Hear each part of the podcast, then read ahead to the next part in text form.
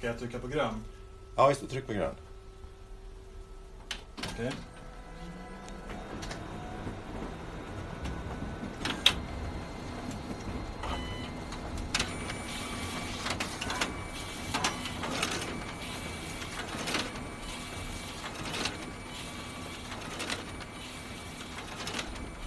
Där var det. Ljudet av kopieringsmaskinen som matar fram papper och strax innan en instruktion om hur den ska startas.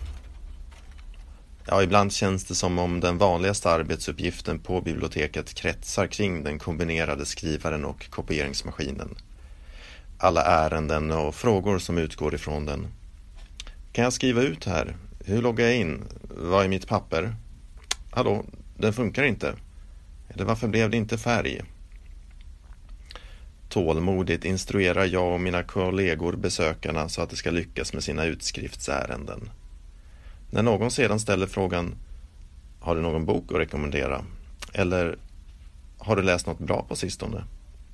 Så kan det kännas så främmande att jag nästan svarar Nej, men ett kopieringskort kostar 25 kronor. För ibland står det stilla i huvudet och det känns som jag inte läst någon bok någonsin. Överhuvudtaget.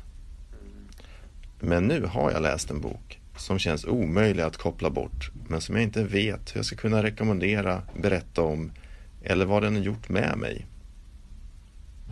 Jag har stigit upp vid femtiden på morgonen för att försöka hinna med någon timmes läsning innan jobbet. Jag har haft den bredvid mig i lunchrummet. Kanske hinner jag läsa ett stycke. Jag har haft den med i biblioteket ifall det skulle finnas någon chans att läsa ett par rader mellan frågorna kring utskrifter och kopiering, det vill säga. Och den har bitvis gjort mig till en eh, något frånvarande familjemedlem. Jag har släpat med mig boken i väskan. Den väger strax över ett kilo och är över 900 sidor lång. Ifall det skulle dyka upp någon stund för läsning. När jag inte läst så har jag haft den i huvudet och funderat på den. Hur kan den vara så bra? Nästan till hypnotisk och så spännande när jag redan i förväg på ett sätt vet hur den kommer att sluta. Visst närmade jag mig boken med förväntningar men också med viss bävan inför omfånget och temat.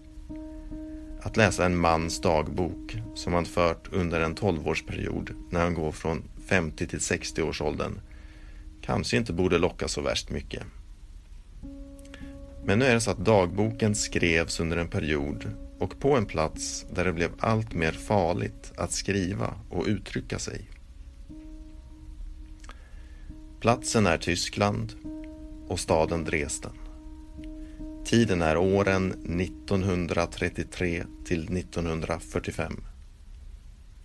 Och författaren till dagboken är den av judisk härkomst Viktor Klemperer.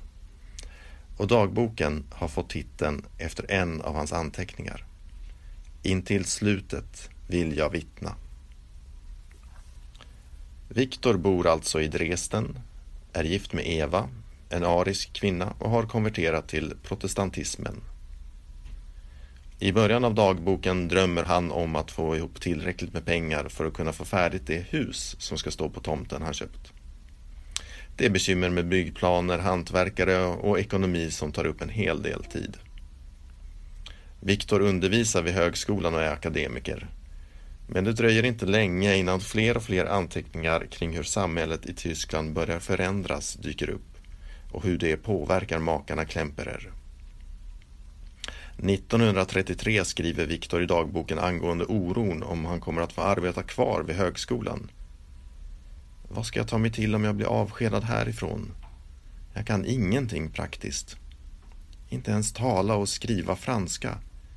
Jag kan bara litteraturhistoria. Dagboksanteckningarna rör det som brukar stå i en dagbok.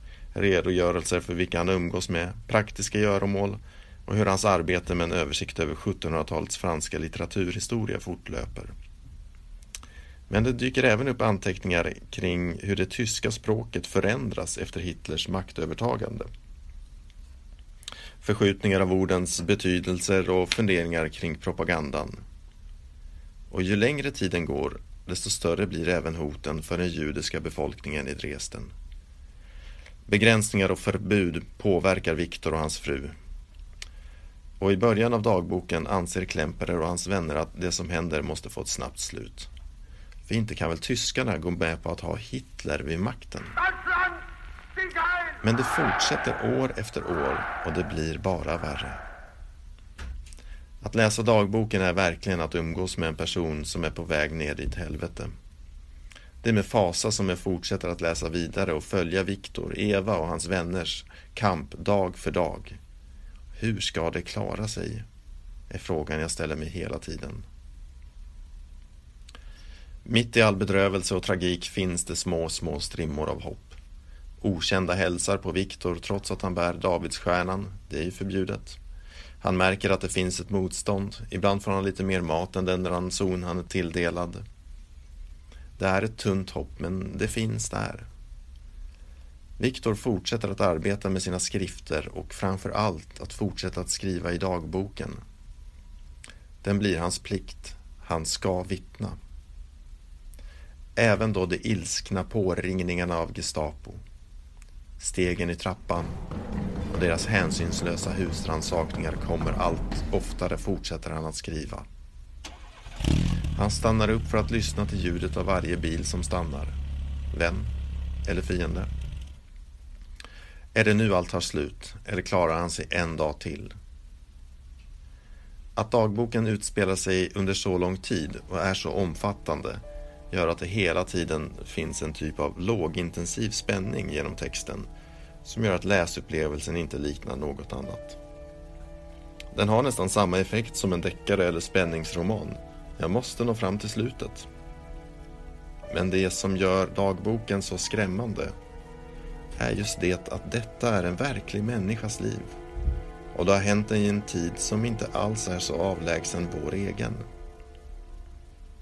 Om varje bok förändrar sin läsare så har den här dagboken gjort ett outplånligt intryck på mig. Så egentligen är det om detta jag vill berätta vid kopieringsmaskinen nästa gång någon ber mig om hjälp.